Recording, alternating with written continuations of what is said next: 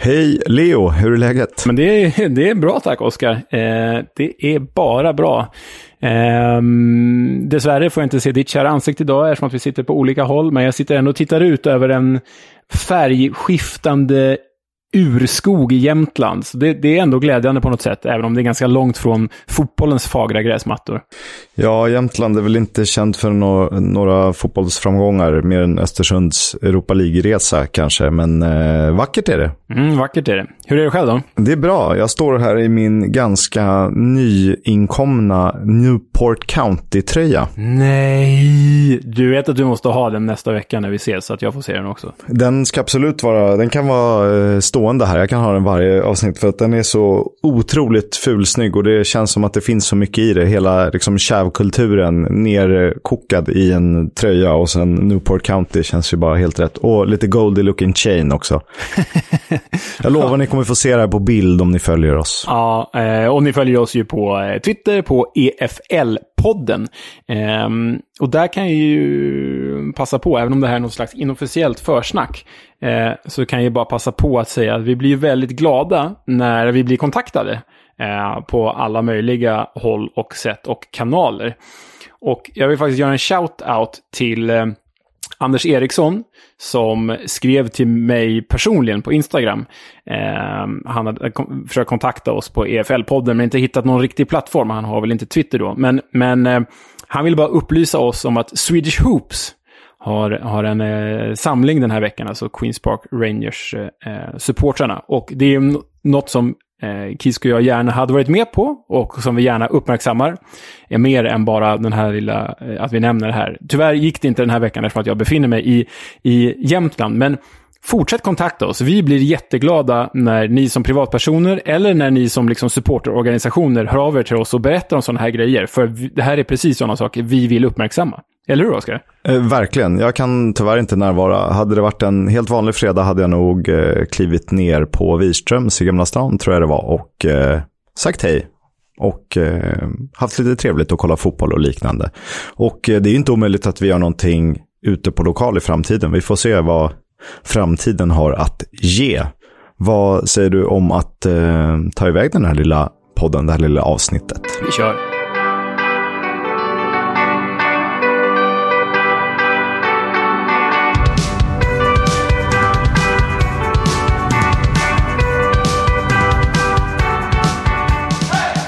Du lyssnar på Footballs Coming Home, en podcast om Championship, League 1 och League 2 med omnejd. Jag heter Oskar Kisk och med mig har jag såklart Leonard Jägerskiöld Welander, närvarande.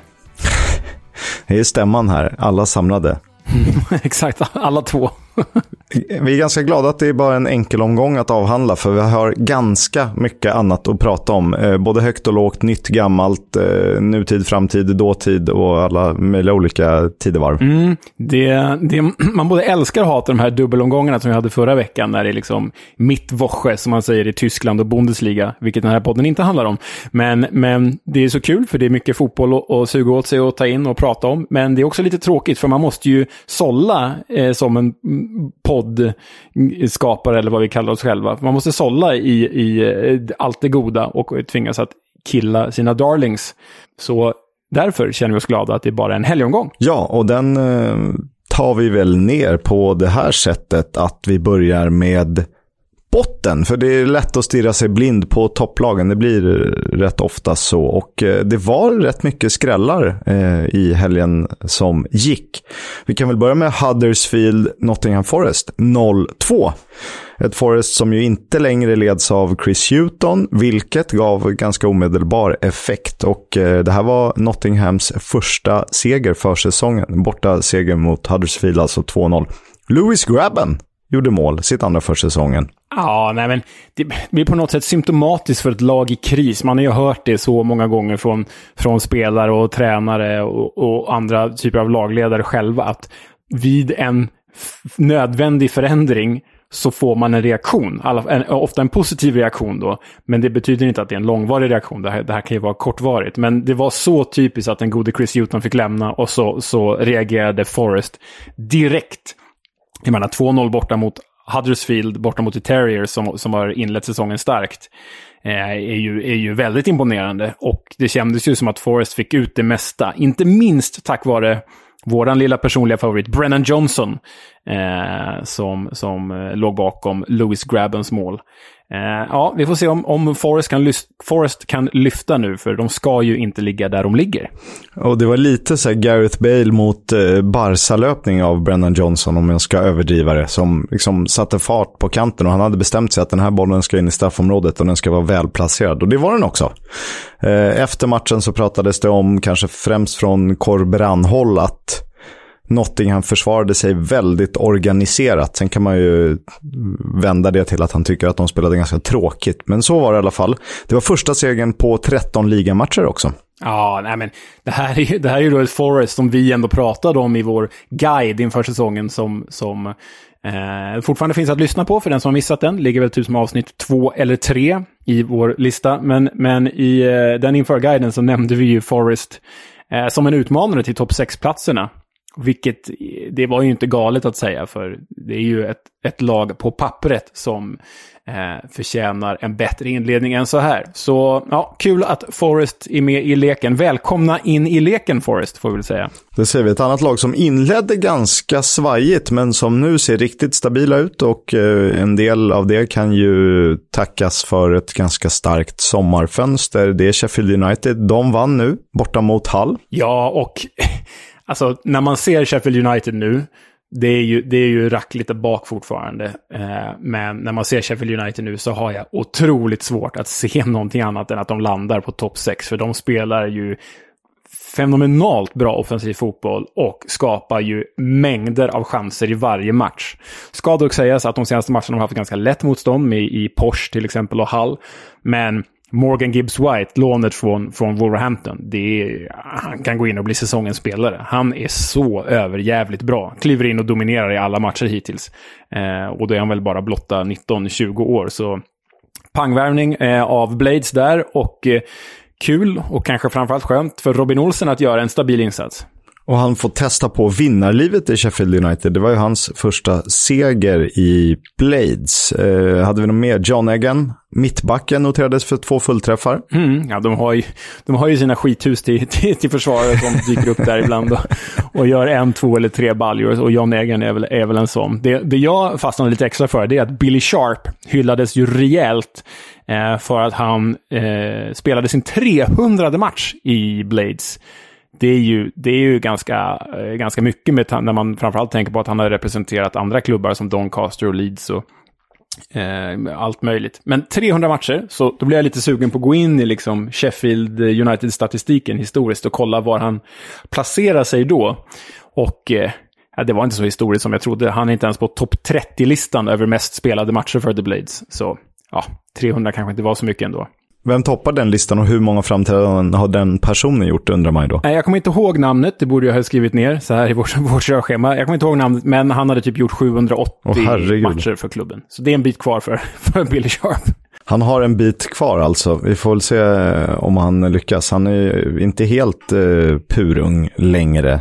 Så det kanske blir svårt. Mm, ja, nej, han får vara glad om han når 350 kanske. Det verkar ha varit Joe Shaw, försvarare på 40, 50 och 60-talet. Så att eh, det, man borde ha olika liksom, eror man spelar in. För att eh, ja, fotbollen såg ju annorlunda ut då. Ja, verkligen. Men vad sa du? Joe Shaw eller John Shaw? Joe Shaw. Joe Shaw. Ska vi lägga på minnet? Kommer ha glömt om en kvart, men det lägger vi på minnet.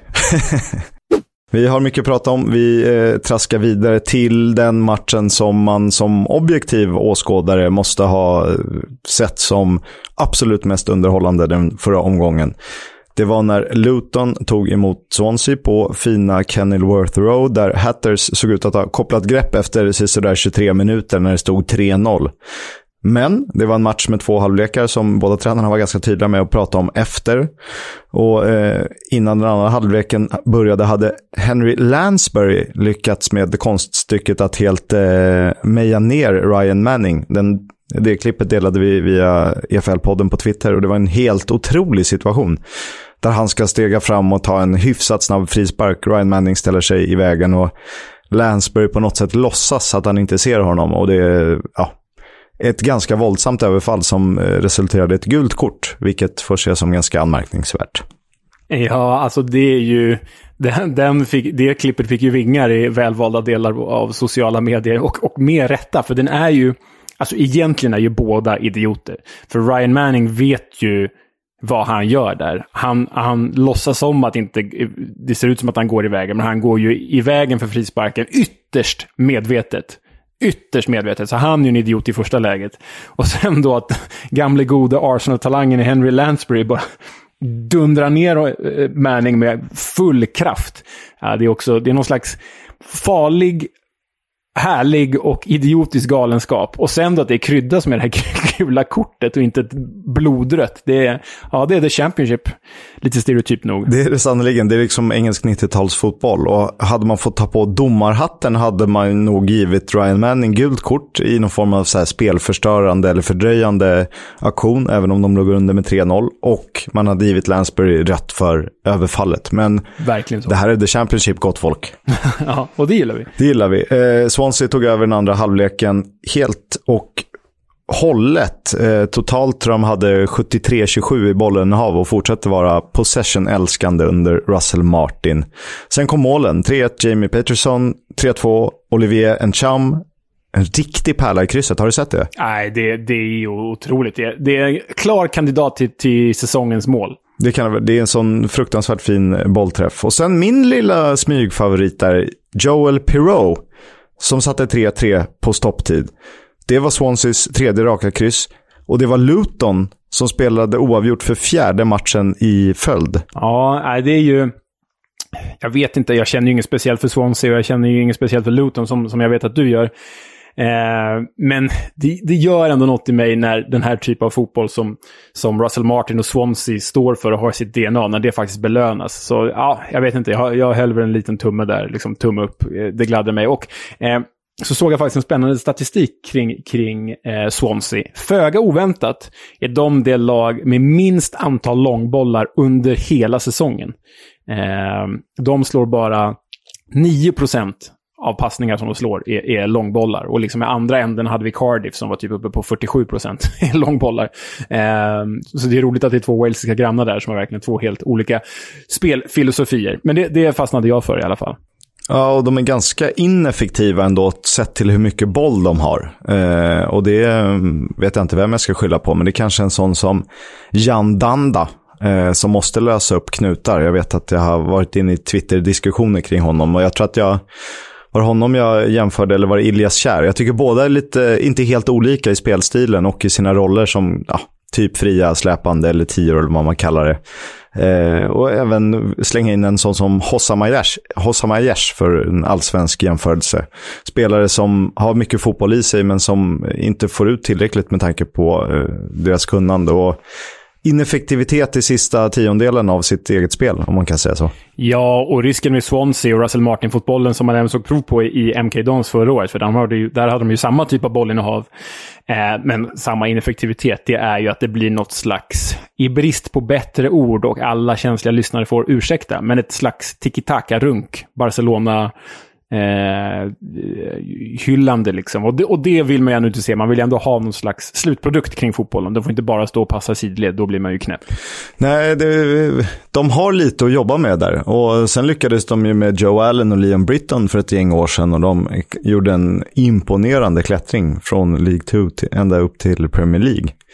Eh, så det sitter någonstans i, i ryggmärgen i klubben. Men eh, vi får väl se vad det går. Jag tror ju lite att de har lite mer att ge slutproduktsmässigt. Eh, men vi får se, vi vet inte. Vi går vidare till, till ett annat eh, lag i vitt som du vurmar för. Ja, och man får väl säga skrällen ändå. Att eh, Fulham skulle torska hemma mot Reading med, med 2-1 var väl inte många som såg framför sig. Fulham har ju historiskt svårt för The Royals i och för sig. Men, men BBC bland andra skrev att det här var en rättvis bortaseger. Eh, framförallt orkestrerad av Ovi Ijaria, gamla Liverpool-produkten. Eh, en man som heter Ove, ni vet. Eh, att, att, att, att den var orkestrerad av den gode Ove, det stämmer ju. Men att den var rättvis, nu är jag ju väldigt färgad här så du får säga om du håller med mig eller inte. Men rättvis vete fasiken om jag tycker. Jag, jag såg eh, den här matchen och om man tittar på statistiken hade Fulham 25-8 i avslut. 66-34 i bollinnehav. 9-0 i hörnor. Och i XG, alltså expected goals, förväntade mål, så hade Fulham 2,80 mot Readings 1,30. Um, Fulham hade faktiskt näst högst XG i, i hela den här Championship-omgången. Så, så rättvist vet jag inte om det var. Men gör man två pangmål som den gode Ove gjorde, Ove Jaria, så, så, så blir det väl så. Det är ju ett liksom monstruöst långskott. Titta gärna på det här om ni kan.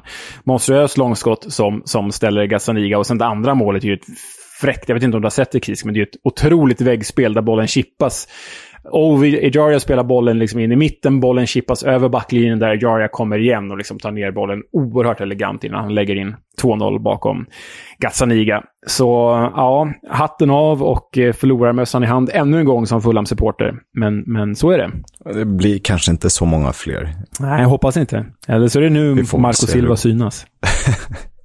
Men eh, Reddings eh, offensiva trio kan vi ju inte bara lämna. Nej, alltså det, jag, vet, jag, vet inte vad det gör för våra lyssnare, men för mig så kittlar det ju någonstans i den nostalgiska påsen, nostalgiska själen, när man landar på en trio med Junior Hoylet, Allen Halilovic och Ovi Ejaria. Är det liksom talangerna, talangerna som lovade mer.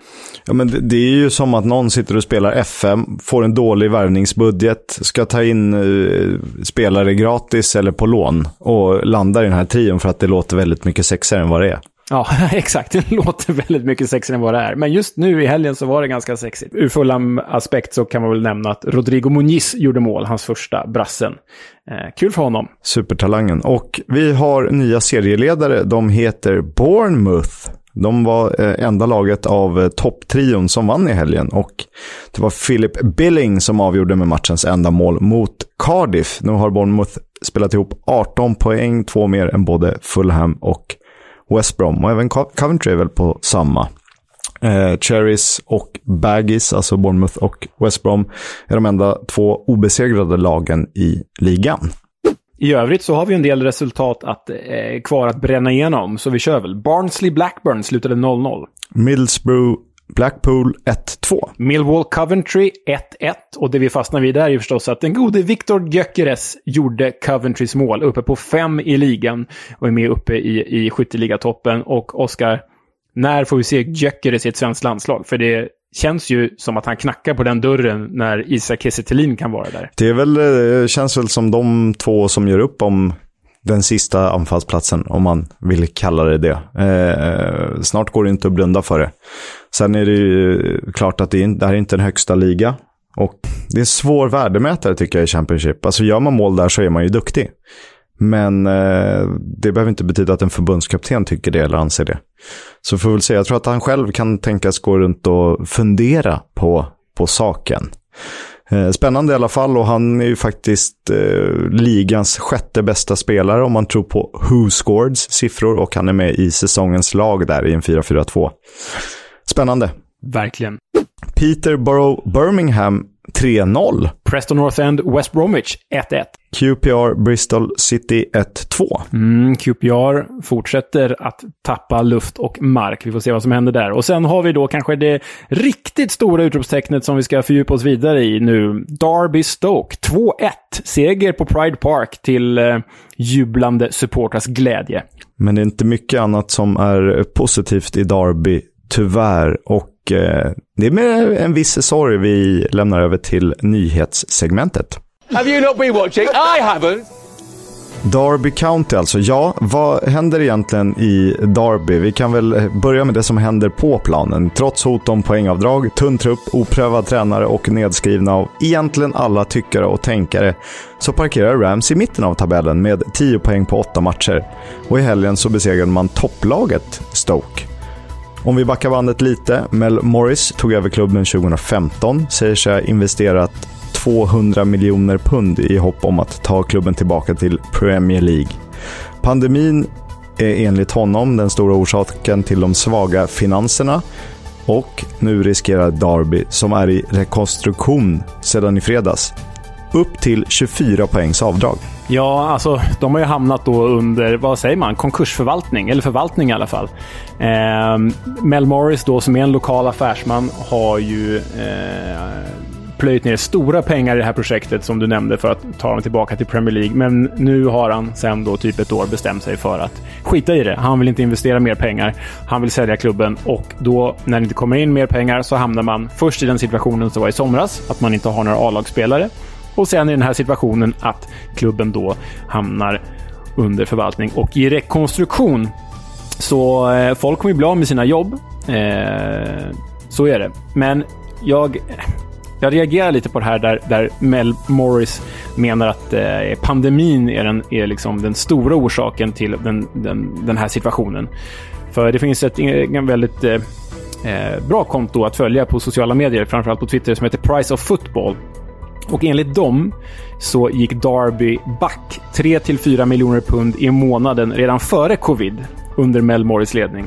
Så att covid ligger bakom det stämmer ju inte, utan det är att de, de har ju liksom plöjt ner väldigt mycket pengar i det här eh, och gått back under en lång period. Så att skylla på covid känns ju lite unket. Framförallt med tanke på att det är liksom 91 andra klubbar i systemet som, som har genomlidit covid utan att hamna i den här situationen. Ja, och det är ju inte bara så att eh, pengarna hamnar i andras fickor. Det är ju rätt saftiga löner de har tagit ut själva i, i styrelsen, va? Ja, enligt samma eh, källa då, Price of Football, så kan man se en ganska rejäl höjning i, i eh, utbetalade löner till eh, ledningen i Derby årligen från det att Mel Morris tar över klubben. De två åren före Mel Morris tar över klubben så betalas det ut 159 000 pund respektive 434 000 pund per år till ledningen. Från att Mel Morris tar över så är det 450 000 pund till ledningen första året, 195 000 pund andra året. Där går det ner. Men här, 2017 och 2018, 1 231 000 pund betalas ut till ledningen 2017 och 2018 793 000 pund. Det är väldigt mycket pengar som hamnar någon annanstans än på planen eller i liksom Darbys klubbkassa. Det, det, ja. det, det har ju spenderats fritt och hamnat i vissa fickor, uppenbarligen. Ja, och eh, även till spelare och sånt ska tilläggas också. Men det känns ju lite... Alltså det är oroväckande att... Var, var är tanken någonstans om man inte ser varningsklockorna, om man är så blind? Eller jag begriper inte hur du ska hamna i det här läget på något sätt. För det är, man vet ju att det är ganska svårt att tjäna pengar som, som ägare till en fotbollsklubb. Det ska vi prata mer om i, i ett annat segment. Men man gör ju det för någonstans kärleken till eh, klubben eller i något PR-syfte eller någonting annat. Men pengarna är svåra att hämta igen rätt ofta. Ja, det blir sånt litet nålsöga. Alltså, Mel Morris och Darby är ju inte ensam om att plöja ner så här mycket pengar för att gå upp i Premier League där, där liksom, och nå guldet på andra sidan regnbågen. Det finns ju liksom tio andra klubbar varje år som satsar stort och det är bara tre som kan gå upp. Så du satsar ju allt på ett kort här, vilket Darby har gjort sedan 2015. Och du kommer aldrig igenom nålsögat. Du får aldrig rätt kort. Ja, då är det klart att det går åt helvete till slut.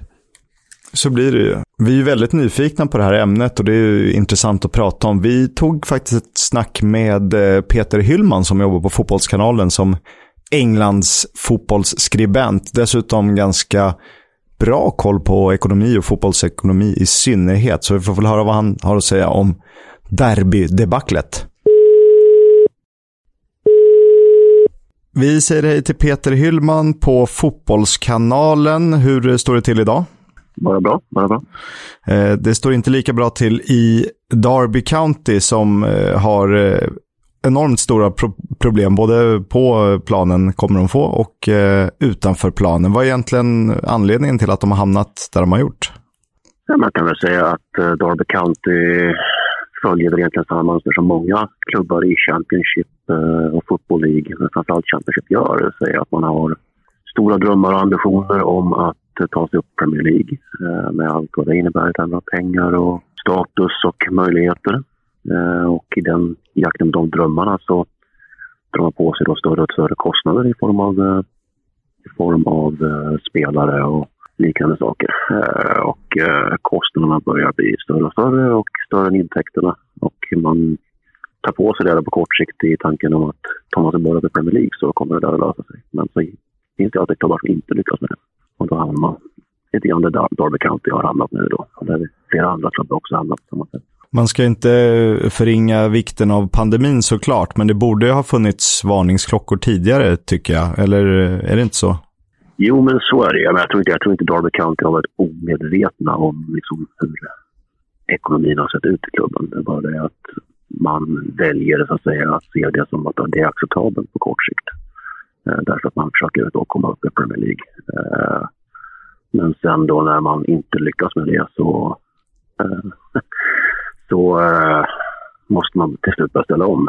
Vad, som händer, vad, som då, händer, vad som händer i praktiken i Derby County exempelvis är väl att ägaren då i det här fallet, Mel Morris, inte längre då är intresserad av att investera. Så att sakta men säkert då så börjar klubben falla tillbaka och till slut blir det ohållbart som vi ser nu.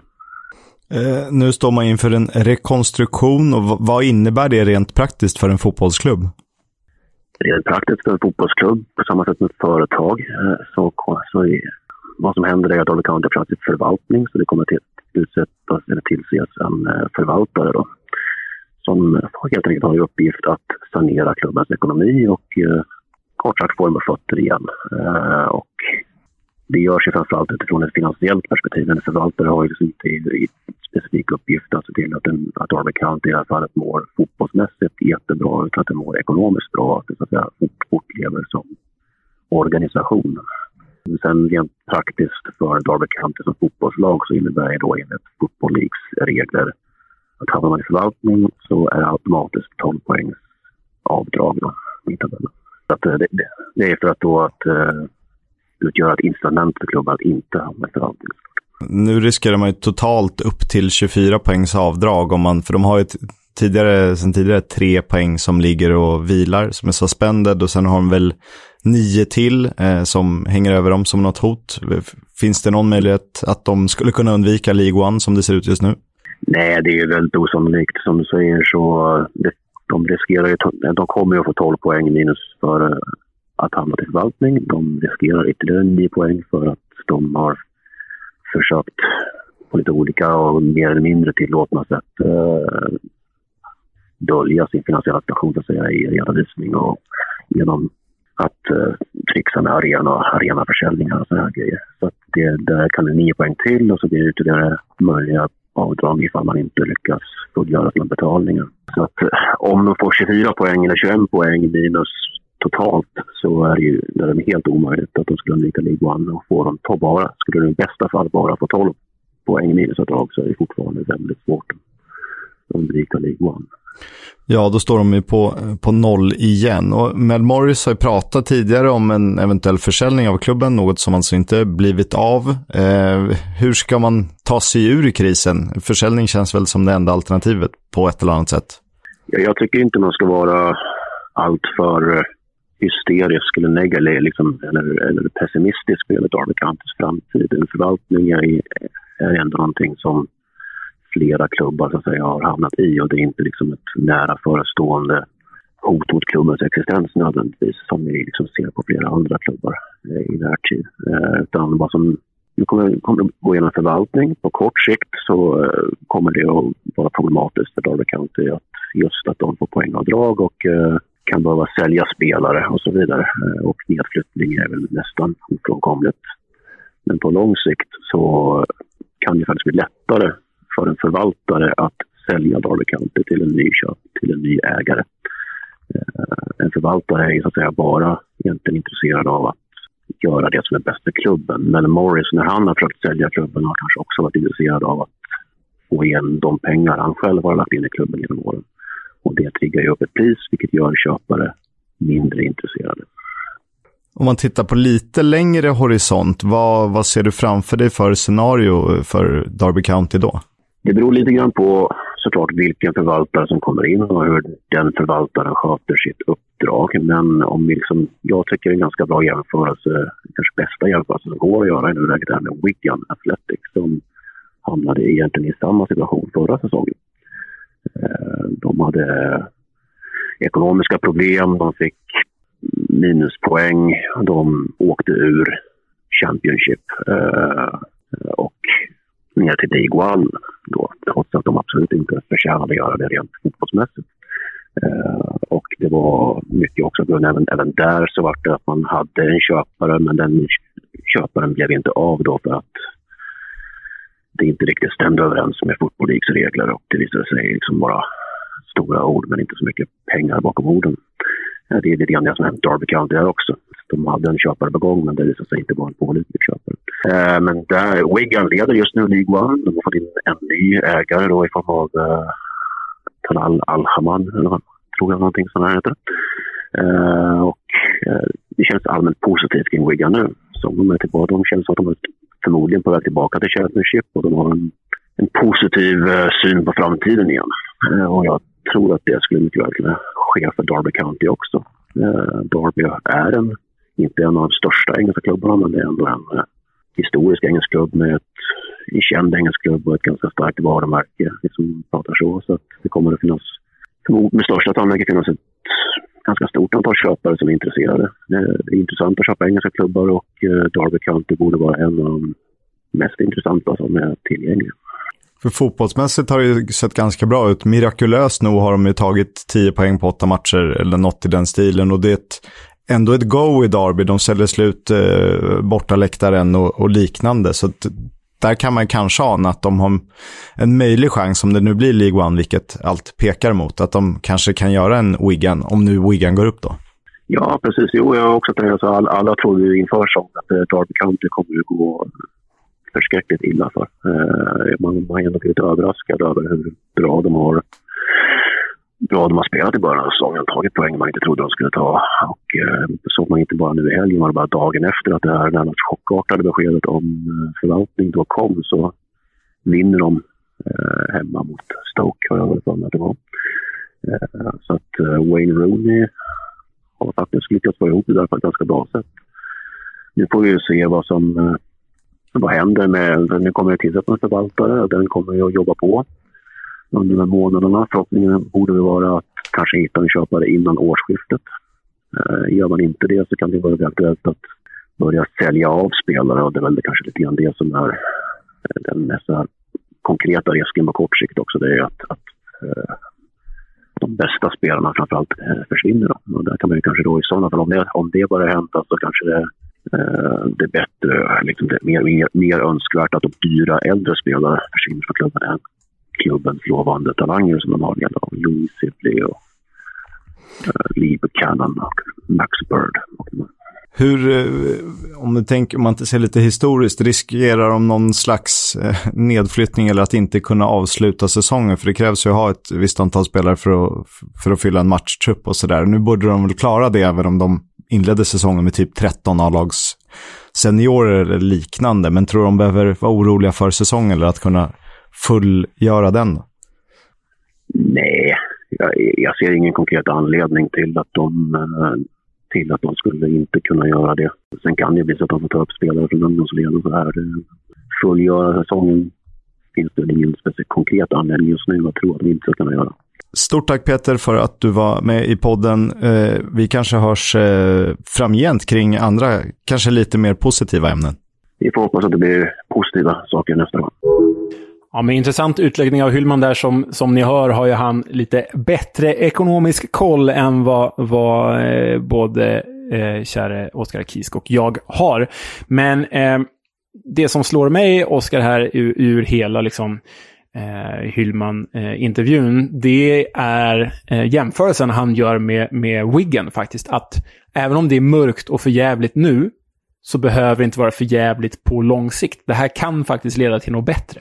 Och det, det kanske är oundvikligt att ibland, det är som man ser vissa, om man tittar på det som händer på planen, vissa klubbar måste ibland åka ur en liga för att få den där väckarklockan. Sen är det såklart bra mycket svårare att åka ur i, i Championship som, som ett Derby till exempel, eller Wigan, än vad det är som en stor klubb i en annan liga. Kanske allsvenskan eller som någon av Stockholmsklubbarna skulle göra det. För förr eller senare brukar man ju ofta kliva upp igen och det, är det finns andra finanser att spendera på något sätt.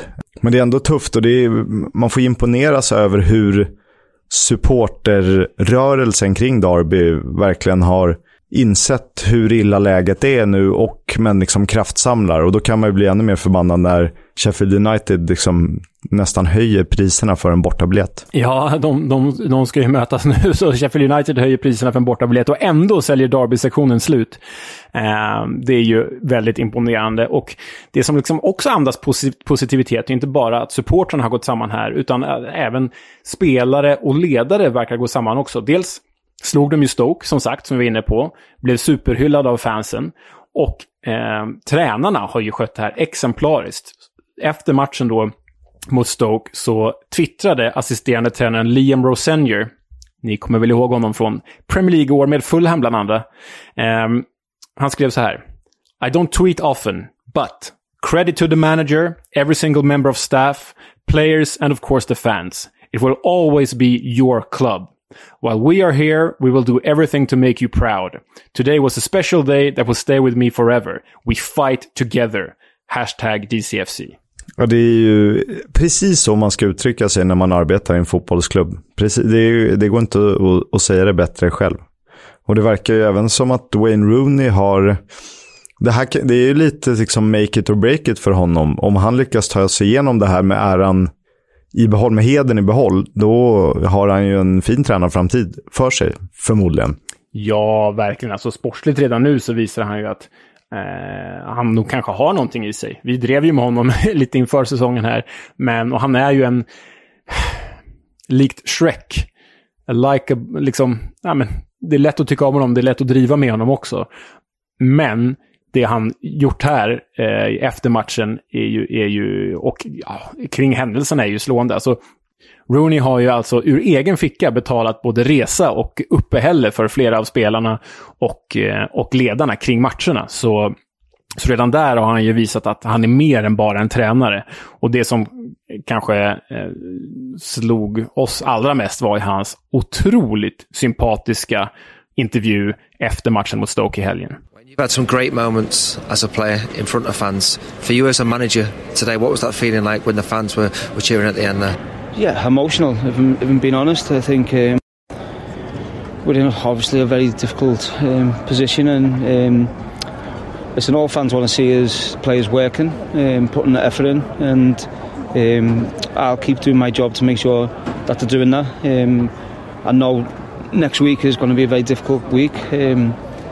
I'm sure there'll be staff who will lose their jobs, um, which is um, it's heartbreaking because obviously the with how the world's been the last couple of years, um, they've got mortgages, they've got bills to pay, and um, it's um, horrendous. And I'll do everything I can to try and um, support and, and try and help the staff because I think sometimes they get forgotten about. And we've got a lot of good people who work at the club. We've been here for a long time, so we all need to stick together. Just to finish with, you're a winner, you're a fighter. How much are you up for this challenge ahead staying here at Derby? Yeah, I've said before, I'm committed to this football club. Um, I care about the, the players, I care about the, the staff at this club, um, and I'll do everything I can in my power to try and help us get through this. We will get through it. Um, we're going to have tough moments, we know that, but we will get through it, and um, it's my job to make sure um, we get through that as best we can. Alltså förstå om Wayne Rooneys Derby klarar det här. Säg att de får 24 poängs avdrag och de har väl tagit 10 poäng. Så då är det, startar de på minus 14. De skulle behöva typ 44 om vi räknar på förra säsongen, vilket de precis klarade sig kvar med. Vad har vi, hur många poäng ska de ta då? 44 plus eh, ja, de, 14 va? Ja, precis. De ska ta 58 poäng. Det, det, det, har jag svårt att se hända, tyvärr. Man känner ju... Men tänk om. Men vi tänk måste om. få drömma. Ja, ja, vi måste få drömma. Nu, jag, jag, jag vet inte vad alla ni känner där ute, men jag kommer att hålla en extra tumme för Rooney och hans Derby den här säsongen. Men jag backtrackade eh, arkivet lite grann, eller historieböckerna. Och eh, tittade på andra klubbar eh, i Championship som har fått poängavdrag. Inte alla, men vissa urvalda. Ehm, och överlag så slutar det ju ganska dåligt om man får poängavdrag. Men jag tycker att vi drar några här. 2021 fick Sheffield Wednesday 12 poängs avdrag, som blev 6 poäng till slut. De slutade ändå sist, men hade klarat sig om de inte hade fått poängavdraget. Wiggen 1920, minus 12 poäng, slutade på 23 plats. 18-19 Birmingham, 9 poäng. Slutade i mitten av tabellen. Hade slutat på övre halvan annars. 10-11 Crystal Palace, minus 10 poäng. De slutade på 20 plats och klarade sig med 6 poängs marginal. Sen har vi den här, den här är riktigt sjukisk. 08-09 Luton, minus 30 poäng. slutade 15 poäng från eh, strecket, men hade alltså klarat sig utan minuspoängen. Och sen då Leeds i League One 07-08. De fick minus 15, men spelade skjortan av serien och slutade femma. Förlorade dock kvalfinalen till The Championship mot Doncaster. Men Derby är inte det enda laget som riskerar poängavdrag. Eh, Reading, upp till nio poäng kan det bli för The Royals, som vi absolut får lov att återkomma till. Och det vore, vore ju verkligen ett eh, hårt slag för dem. Ja, framförallt när man liksom, när man har, det man har sett av Reading hittills är ju att det är ett lag med extrema toppar och väldigt djupa dalar. Lite oklart hur, hur de kommer tackla det här. 9 poäng är absolut inte 12 poäng och det är ännu mindre 24 poäng. Men det känns ju inte som att det som finns i Derby riktigt finns i Reading här. Här känns det ju mer som en så här, som du var inne på tidigare när vi pratade deras offensiva trio. Det känns ju som en främlingslegion ihopvärvad på FM för en billig peng. Så frågan är vad det finns för eh, ja, vad det finns för gemenskap där och, och dra eh, Reading upp ur ett sånt faktum. Och då ska man också hoppas på att John Swift eh, öser in tre mål i ett par matcher så man eh, räddar kontraktet så. Eller det kanske de gör ändå, men ja, ni fattar vad vi menar. Exakt. Och dessutom ett lag då med oerhört instabil defensiv. De har ju alltså släppt till flest, mest skott mot eget mål hittills i säsongsinledningen. 16,8 skott per mål bakåt. Eh, nej, skott på mål bakåt eh, varje match. Det imponerar ju inte. Så vi får se hur det går för Reading det här. Nottingham har eh, fått lite luft under vingarna och nu har man en ny tränare, precis som vi pratade om i, i förra avsnittet av podden. Mm. Steve Cooper, tidigare Swansea-tränaren som lämnade Swansea i somras eh, på eget bevåg. Han har utsetts till ny manager för Forest och eh, det känns väl på pappret jättebra. Det känns ganska tryggt och stabilt och det känns som att det kan få dem att lyfta till en, en stabil placering och att de kan blicka lite högre på sikt. Det är min spontana tanke kring det. Mm. Cooper har ju alltså tagit Swansea med ganska små ekonomiska medel till två raka playoffplatser upp till Premier League. Eh, och det dessutom genom att ge ungdomarna chansen. Nu har ju Nottingham Forest eh, en ganska ålderstigen trupp, men de har några få ungdomar att hänga upp det på, Brennan Johnson bland annat. Eh, och så här sa eh, tränaren själv till eh, Nottingham Forests eh, egen kanal. Steve Cooper, welcome to Nottingham Forest. How does it feel to be here? Proud, privileged, honoured. Um, great football club, steeped in tradition and history that you know everybody knows about. So uh, it's a real honour to be here. It's a real honour to be here. It's happened very quick, you know, a few days, um, but um, but ever since there was a chance of, of joining, it was just a, a real intention to get here as quick as I can. Steve Cooper alltså, ny manager för Nottingham Forest och det får oss att blicka fram emot eh, omgången som kommer.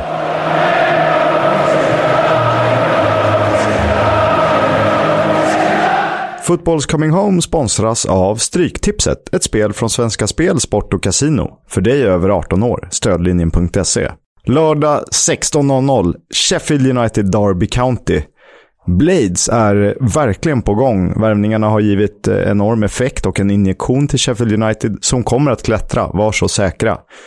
För Derby, som ni precis har hört, så ser det ju betydligt tyngre ut. Dock inte på planen och på läktarna, där vikten av varje poäng märks klart och tydligt. Kan man skrälla mot ett på pappret betydligt starkare lag, eller ska Sheffield United, vår gemensamma seriesegrare i ligaguiden, fortsätta vandringen mot topplaceringarna? Vad tror vi, Leo?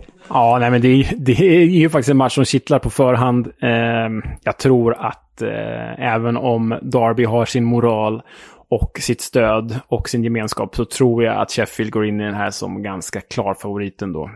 De, de ser... Får de ordning på defensiven ser de hiskeligt bra ut. Det gör de och vi vet vad Robin Olsen kan när han tar fram mästerskapsformen. Exakt. I övrigt tycker jag det är lite spännande med två fredagsmatcher. Vi har ju Gyökeres spelar med sitt Coventry mot Peterborough. Och så har vi en riktigt tung pjäs i West Brom mot QPR på fredagen. Eh, den känns ju riktigt läcker.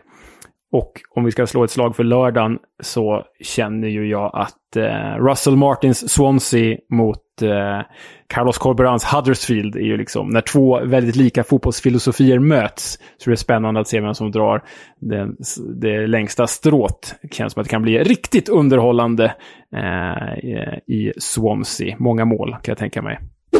Och nu har vi kommit till eh, det segment som i alla fall är vårt favoritsegment, hoppas att det är ert också, klubben, där eh, vi ger varandra en klubb eller förening eller ett lag eh, att berätta om, att fördjupa oss i och att sälja in. Och just den här veckan så handlar det verkligen om att sälja in en klubb. Oskar Kisk har fått eh, uppdraget att berätta om Reading FC för oss. Annars också känt i den här podden som världens mest intetsägande klubb. Men visst måste det finnas något att berätta om Reading FC.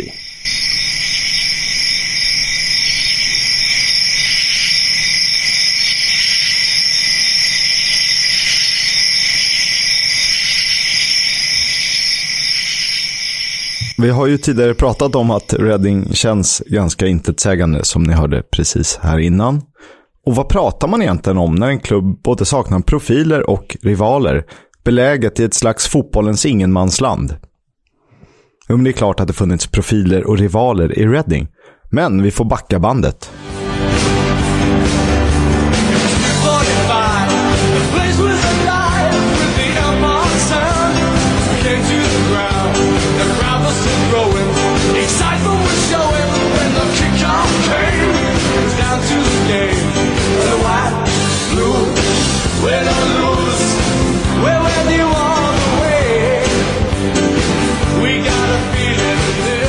Reading, som ni säkert vet, ligger en dryg timmes bilresa väster om London. En viktig handelsplats i England på medeltiden, som blev hårt drabbat under inbördeskriget på 1600-talet.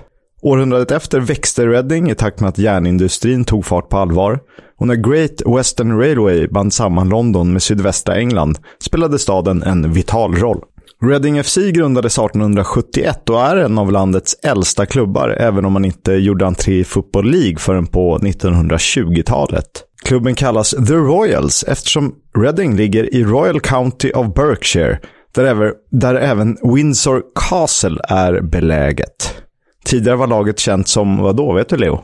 Um, jag, har ju, jag har ju faktiskt sett körschemat här, men det är, det är så roligt smeknamn så du får gärna dra det. The Biscuit Men, och det var ju tack vare kakkungarna i Huntley Palmer med en av världens största kakfabriker i Reading alltså. Alltså varför behöll de inte The Biscuit Men? Det är ju så mycket härligare än The Royals. Here comes the Biscuit Men! Hade man velat höra. Det har ju något, helt klart. Men det är några andra namn och personligheter man lätt eh, fastnar vid när man pratar om Reading Football Club. Och ska man ta det i kronologisk ordning borde väl Sir John Madejski vara först. Men han var inte tidigast i Reading FC-sammanhang. Så vi börjar med Robin Friday, även känd som The Greatest Footballer You Never Saw. Det finns en bok skriven om honom och det har planerats att göras en film om honom. Så den får man ju hålla utkik på om man vill veta mer. Ja, han, vem var Robin Friday? Ja, en slags lower League-version av George Best. En rock'n'roll-karaktär som man till viss del kan sakna i dagens fotboll när allt handlar om att äta rätt och träna ordentligt och så vidare. Redan här så har ju mitt öra. Nu vill man ju höra, höra mer. Reading kanske inte är så jävla tråkigt ändå. När, när du säger en lower League-version av George Best, då blir man ju sugen. Det är svårt med de här, för ibland pratar man väldigt mycket om själva klubben och vad den kanske gör för samhället. Och som Millwall till exempel, varandras ytterligheter. Men eh, när det kommer till Reading så fastnade jag absolut för profilerna som som vi ska höra om. Vi har precis nämnt Robin Friday. En fascinerande karriär får man minst sagt säga. 1996 släppte Super Furry Animals, som jag pratade om tidigare, de släppte låten The Man Who Don't Give a Fuck. När den singeln kom ut prydde Robin Friday görandes sod-off mot eh, Lutons målvakt Emilia Alexic omslaget. vi, vi delade den via EFL-podden, så ni har säkert sett en skön långhårig lirare som lite nonchalant bara skickar upp två fingrar. Och det måste man ju ändå gilla. Ni får ursäkta om ni tycker det här är för politiskt inkorrekt. Titeln eh, är också oerhört talande för hans karriär. Å ena sidan en gudabenådad bollbehandlare med mycket god spelförståelse. Som kunde dominera fotbollsmatcher på egen hand. Å andra sidan en tungt knarkande och supande fängelsekund till Badboy. Har jag sålt in honom tillräckligt? Ja, nej, men jag vill bara höra. Jag vill läsa den här boken två gånger om känns det som. Kör, jag vill höra mer. Robin Friday spelade såklart aldrig med benskydd och sparkade motståndarna lika hårt som han själv blev sparkad. Han har spelat match med brutet ben och i en av karriärens sista matcher mot Brighton tröttnade han på Mark Lawrenson, inväntade glidtacklingen men valde istället att ge honom en spark i ansiktet. ja, okay. Och som om inte det vore nog ska han efter, ha mat efter matchen ha brutit sig in i motståndarnas omklädningsrum för att eh, tömma tarmen i Lauros väska. det blir bara sjukare och sjukare. Okej. Okay. Ja, vi har bara börjat. Redan i ung ålder så var det många som såg hans oerhörda skicklighet med bollen. Han hade en, en bror som inte alls hade samma framgångar, men som hade ett annat psyke får man väl säga. Och det gav honom möjlighet att träna med klubbar som Chelsea, QPR, Brentford som junior. Men han fick nobben på grund av spelstilen, eller snarare sin vägran att ändra spelstilen. Det blev avhopp från skolan, knarkdebut och besök i fängelser. Han var naturligtvis stjärnan på planen bakom murarna innan de kom ut och testade kvaliteten i lokala klubbar. Han träffade en eh, svart tjej som han gifte sig med och skaffade barn med. Och nu tänker ni, ja, varför nämner han det? Jo, för i superrasistiska området Acton eh, så blev han helt isolerad. Eller familjen blev isolerad. Vid 20 års ålder arbetade han som takläggare, ramlade och en lång spik höll på att kosta honom livet för att den var så pass nära vitala organ som lungor och hjärta. Kanske är det så att hans överlevnad fick honom att känna sig oövervinnlig. Typ the man who don't give a fuck. Och hur blev det Redding? Ja, hans succé på lägre nivå gick knappast obemärkt förbi. Och i januari 1974 blev han värvad till Reading av Charlie Hur Hurley för ungefär 750 pund. Ooh. Den, denna mäktiga summa. På eh, första träningen, vad gjorde han då? Jo, han försökte sparka ner så många av lagets stjärnor som möjligt. För det var sån Robin Friday var. Ja, tydligen. Han, han kom ibland eh, full till matcherna, men han var ändå bäst på planen. Han eh, gjorde fantastiskt många mål och var ju klubbens överlägset stor, största stjärna. A great character, a great comedian. Uh, every time he got the ball, you knew something special was going to happen, and there was always a buzz around Elm Park when uh, when the ball was at uh, Robin Friday's feet. The excitement that he produced, he could do anything with a football. Yes, he did uh, do a few things that perhaps in the modern professional game weren't really, were certainly frowned upon, but he was a, a great character. Um, as I say, every time he got the ball, you knew something was going to happen. He could score goals from any part of the, the pitch. Friday fortsatte att briljera under sina år i Reading, men var samtidigt en hårt festande kvinnokar utanför fotbollen. Och förr eller senare tar det stopp. Efter att i allra högsta grad ha skjutit upp Reading till Third Division hamnade stora delar av spelartruppen i onåd med ledningen, sedan man erbjudits för dåliga löner. Kort därefter skulle Robin Friday gifta sig för andra gången. Det började med att han eh, tände en joint på trappan utanför kyrkan och eh, festen slutade med en slags supar och knarkmaraton där gästerna till slut började slåss och stjäla brudparets presenter, som var ännu mer gräs. Vad fan pågår alltså? Ja. Okej, okay. det här är helt sjukt. Jag trodde inte att vi skulle landa i det här när, när du fick Redding som, som uppdrag. Eh, för, för, lys för lyssnarna så vill jag bara att ni ska veta att, att eh, jag har ju sett körschemat, men jag har ju liksom inte djupdykt i den här historien eh, eh, innan. Så ja, det här är lika nytt för mig som det är för er. Vill ni höra mer om eh, Redding, då får ni lyssna på en annan podd, för det här blev mycket Robin Friday. Men det kommer lite annat också, jag lovar. Och vid den här tiden hade Robin Friday också lyckats bli portad från mer eller mindre alla ställen i Reading på grund av sitt festande. En kväll slutade med att han gick ut i enbart boots och rock och tog av sig rocken på en nattklubb och började dansa. Helt naken. The man who don't give a fuck. Hur som helst, Friday tog eh, promotion-sommaren som man brukade och festade bort mer eller mindre hela försäsongen kom tillbaka till Reading i dåligt skick och tvingades mer eller mindre lämna klubben. Det blev Cardiff i second division, det vill säga ett snäpp upp. Och han hade nog kunnat spela ännu högre. Och trots att det slutade som det gjorde i Reading anses han vara en av klubbens stora genom tiderna. Lagets skyttekung och player of the season 74-75 samt 75-76. I think he would have gone all the way to the top. He would have played for England without a doubt. He would have played up front or uh, just behind the front two these days. He had the skill, he had the pace, he had the build. He just had the talent, he had it all.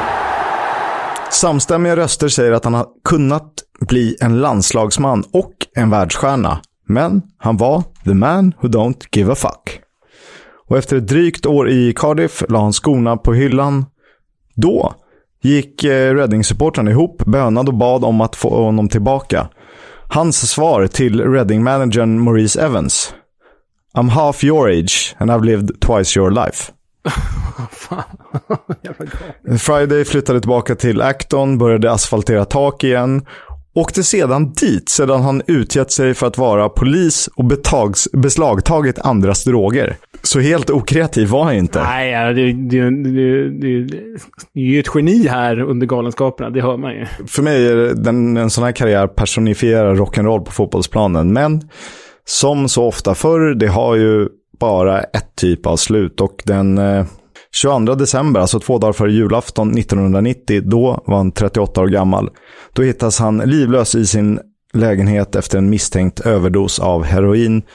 Och det var alltså slutet på en otrolig karriär och en av Reddings stora än idag.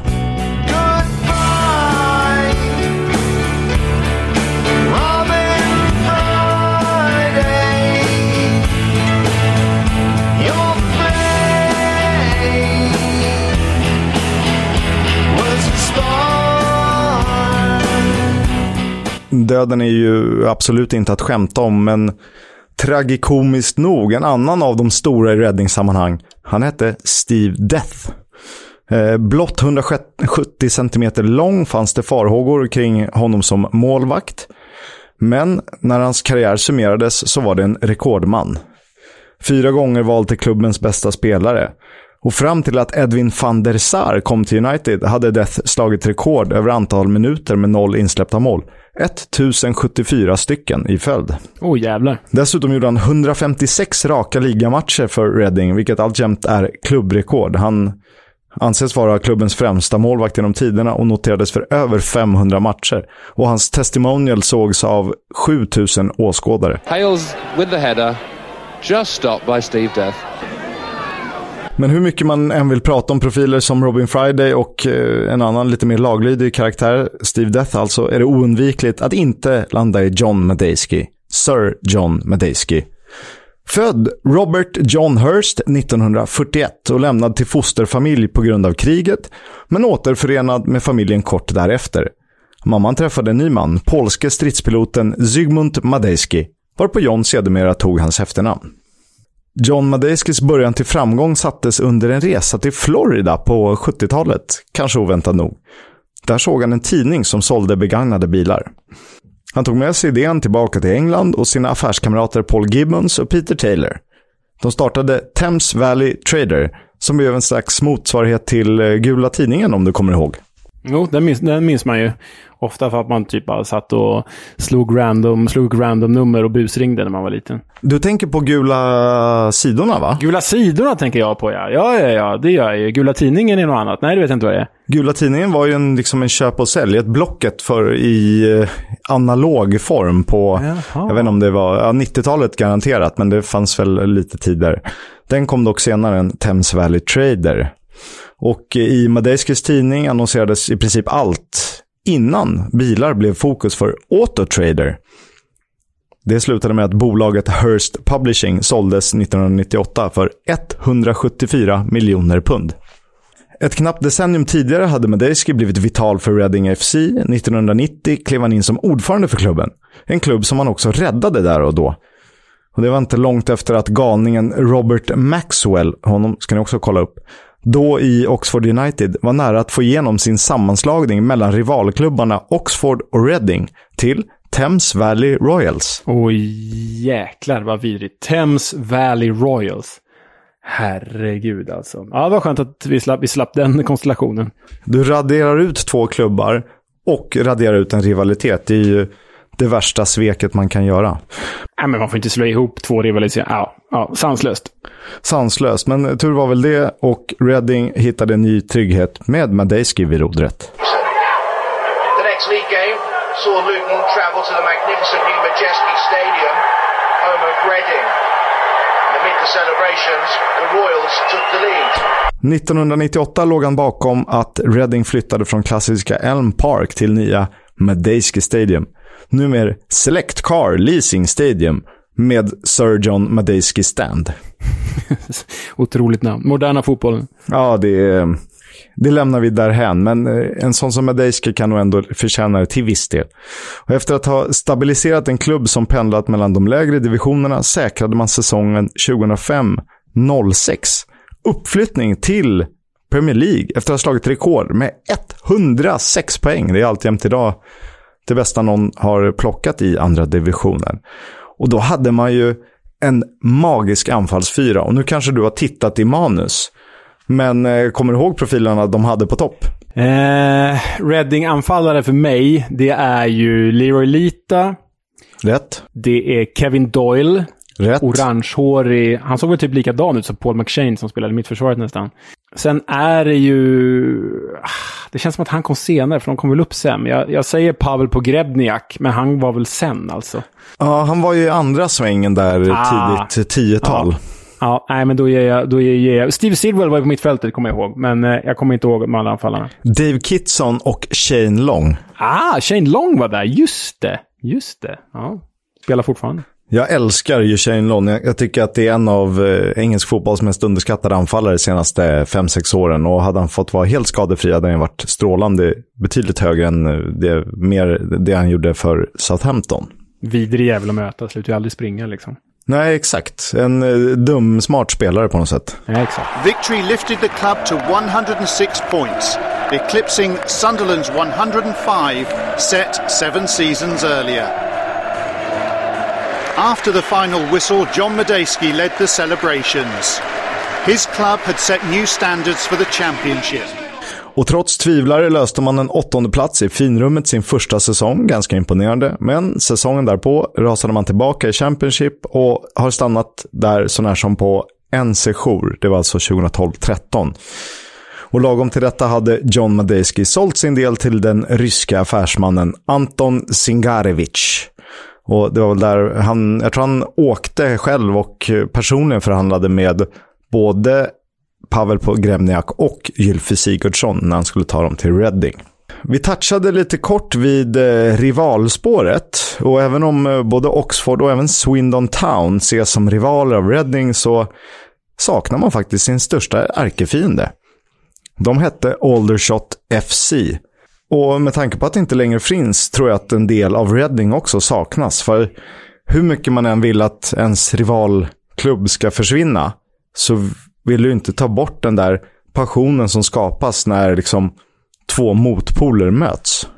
Nej, det är ju det är så starkt förknippat till identiteten och, och själen i en klubb. Så ja, det, du har nog rätt i att man går miste om någonting där, helt klart. Men Aldershot FC gick alltså i konkurs 1992 och även om supporterinitiativet Aldershot Town, som kanske är mer kända för oss, eh, tog över rivaliteten så har klubbarna aldrig mötts. Så det, då vet jag inte ens om det räknas. Men det är också de eh, två städer, eller det, det är Reddings närmsta lag, eller vad ska man säga?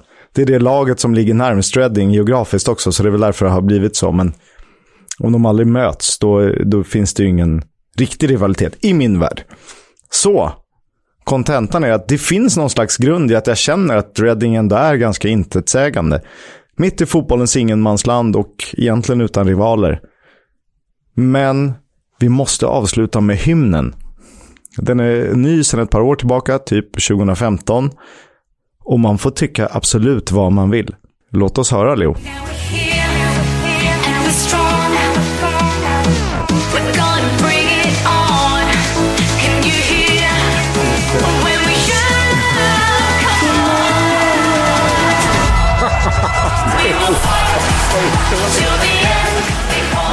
Det, är, det är eurodisco möter, möter någon slags så här slagerkräm. Ah, det är så fruktansvärt det här. Nej, men det är så fruktansvärt dåligt. Jag, vem släpper igenom det här? Nej, men det är ju inte fotboll.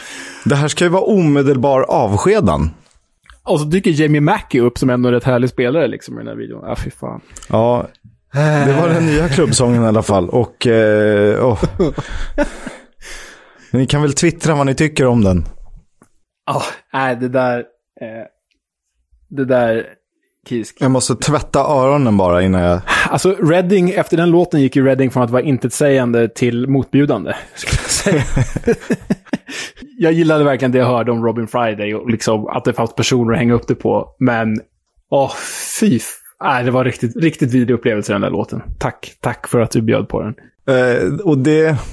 Nu kanske någon tycker, någon som håller på Redding, att fan vilken pajas, han har, han har inte kollat det här eller det här. Och det må så vara, jag ber om ursäkt i så fall. Det finns säkert jättemycket om Redding som inte jag hade koll på. Eh, jag väljer att fastna vid att man ändå gav en spelare som Robin Friday chansen och att man liksom byggde honom till en ikon. Sen med lite annan skalle så hade det kunnat bli annorlunda. Jag tror att han hade, av det jag har sett, kunnat bli helt eh, otroligt bra. Men eh, så är det med det. Ni får tycka vad ni vill. Vi hoppas att ni gillade berättelsen om jo eh, Robin Friday, John Madejski och Steven Death i alla fall. Ja, jag har ett, eh, ett litet tillägg bara till, till din väldigt trevliga berättelse. Det var att jag inför det här avsnittet hörde faktiskt av mig till en engelsman jag pluggade med i Frankrike. Kieran, han, han kommer från Basingstoke, eh, som ligger ganska nära Reading. Och eh, eh han har liksom Reading som sitt andra lag. Så jag bara messade honom nu, så här, varför har du Reading som andra lag när, när, när du i princip bor där? Och då sa han att alla som bor här har Reading som andra lag. Men alla håller egentligen på Manchester United, Arsenal, Liverpool, Everton eller något sånt där. Och det var ju lite... Jaha. Ja, jag vet inte. Då kanske inte vi är helt fel ute i vår intetsägande spaning då? Nej, eller så är verkligen så. Eller så är kanske just han överdriven i sitt svar och så passar det väl in i, i vår tes här. Men, men jag tyckte ändå var ett intressant svar från honom. Men de har ju faktiskt legat längre ner i divisionerna, så då är det inte så konstigt att du kanske... Alltså om ett lag är... Vad ska vi ta för exempel? I Stockholmsområdet. Det är ganska många som är uppvuxna i västerort med omnejd och ja, Bromma och Vällingby och, och allt vad det heter. Som håller på BP. Fast det är så pass sällan de har spelat allsvenskan och fram tills för tio år sedan hade de aldrig gjort det. Så du håller ju på ett av de andra Stockholmslagen, men så går du och kollar BP då och då. Ja, det, det, är en bra liknelse. Eller liksom bara en timme norrut. Uppsala. Har man varit fotbollsintresserad förr så har man liksom varit tvungen att välja mellan Sirius i lägre divisioner eller något av de stora etablerade Stockholmslagen. Känner flera Uppsala-iter som liksom har sin eh, tro eh, och sin kärlek till typ AIK eller Djurgården och inte Sirius av just den anledningen. Det var samma, jag var och såg Leyton Orient för ja, 12-13 år sedan eller liknande. De skulle möta Millwall och min känsla var att ja, man stod och, och gafflade lite med folk. Att det kunde vara liknande läge där. Att många höll på Leighton för att de bodde i kvarteret. Men man hade också ett annat lag i, högre upp, typ Tottenham eller West Ham eller Arsenal eller liknande. Ja, och det är ju, det är ju inte konstigt. För jag förstår att man vill ha liksom fotboll på olika nivåer. Dels sin, sin nära lokala fotboll och dels liksom den kanske bästa fotbollen. Men det, det finns ju något sorgligt i det också, oavsett om det är Leighton eller Reading. Så är det. Det var Reading i alla fall och eh, ni kan ju höra av er om ni eh, gillade eller tyckte vi glömde bort någonting. Och eh, man får gärna skicka in synpunkter på vad man vill höra framöver och vad vi saknar eller vad vi gör bra som ni vill höra mer om helt enkelt. Verkligen. Men du, vet du vad det är dags för nu? Ett annat favoritssegment. Veckans Warnock. We'll have a chat about the fucking game. About your game, last few months, last few weeks. Fucking character. Fucking. Ja, eh, den gode Neil, vad har han gjort nu? Nej, men, han är ju lite återhållsam sen vi började, började med vår podd det här segmentet. Han har väl bara fått gjort två eller tre galenskaper den här säsongen.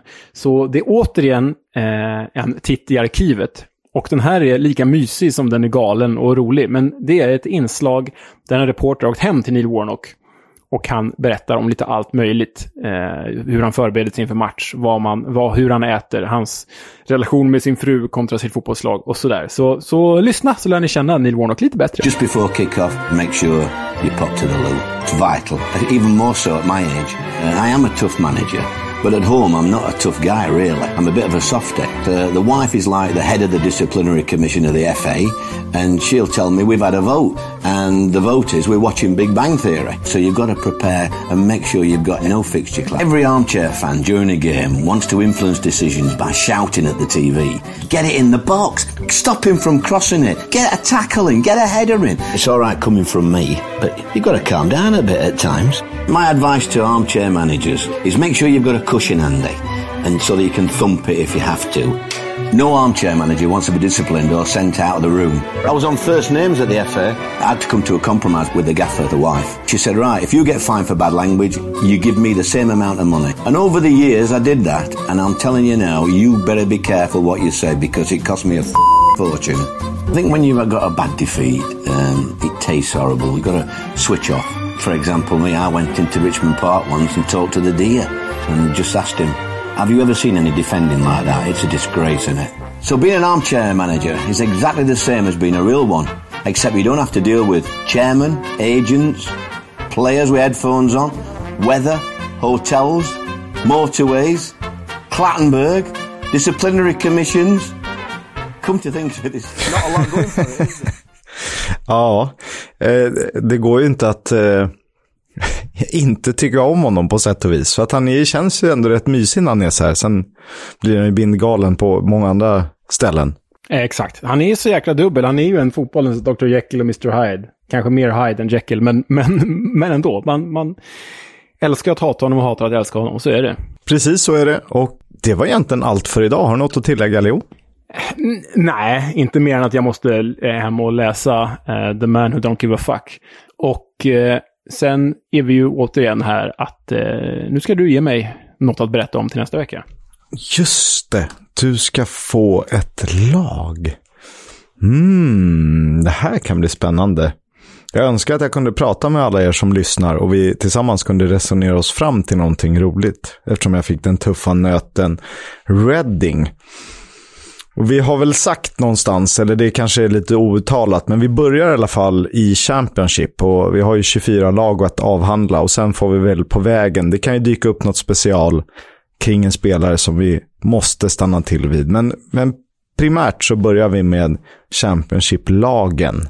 Jag måste tänka, vilka har vi gjort? Jag vet att jag har pratat om Millwall, jag har pratat om Reading. Du har pratat om Cardiff. Um, jag har pratat om QPR. Jag har pratat om Hull City. Och jag har pratat om Coventry.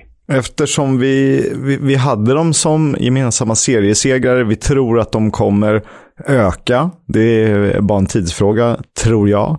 Så ger jag dig Sheffield United. Sheffield United. Okej. Okay. Och du får inte ringa Jonas Dahlqvist. Får jag inte ringa Jonas Dahlqvist? Får jag bjuda in Jonas, får jag bjuda in Jonas Dahlqvist kanske? Ja, kolla om, kolla om han vill vara med. Mm, vi ser. Vi ser om vi kan trolla hit honom. Och med det säger vi stort tack till alla er som lyssnade. Tack för idag, tack för tidigare avsnitt, tack för att ni hör av er. Fortsätt gärna göra det med eh, högt och lågt. Eh, tack till Stryktipset som är med och sponsrar och gör podden möjlig. Tack till dig Leo. Tack själv Kisk. Det var en eh, glädje att få skratta åt Reddings hiskeliga eh, Anthem. Upptäckta vägar, de han tar. När det regnar kallt och ibland när kampen leder ända fram. Då ses vi på lördag igen.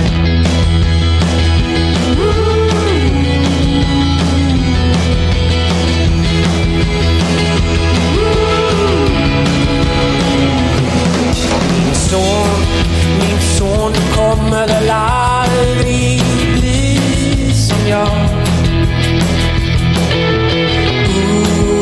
Ooh, alla dina chanser, gör vad du ska. Ibland så regnar det kallt, men till slut leder kampen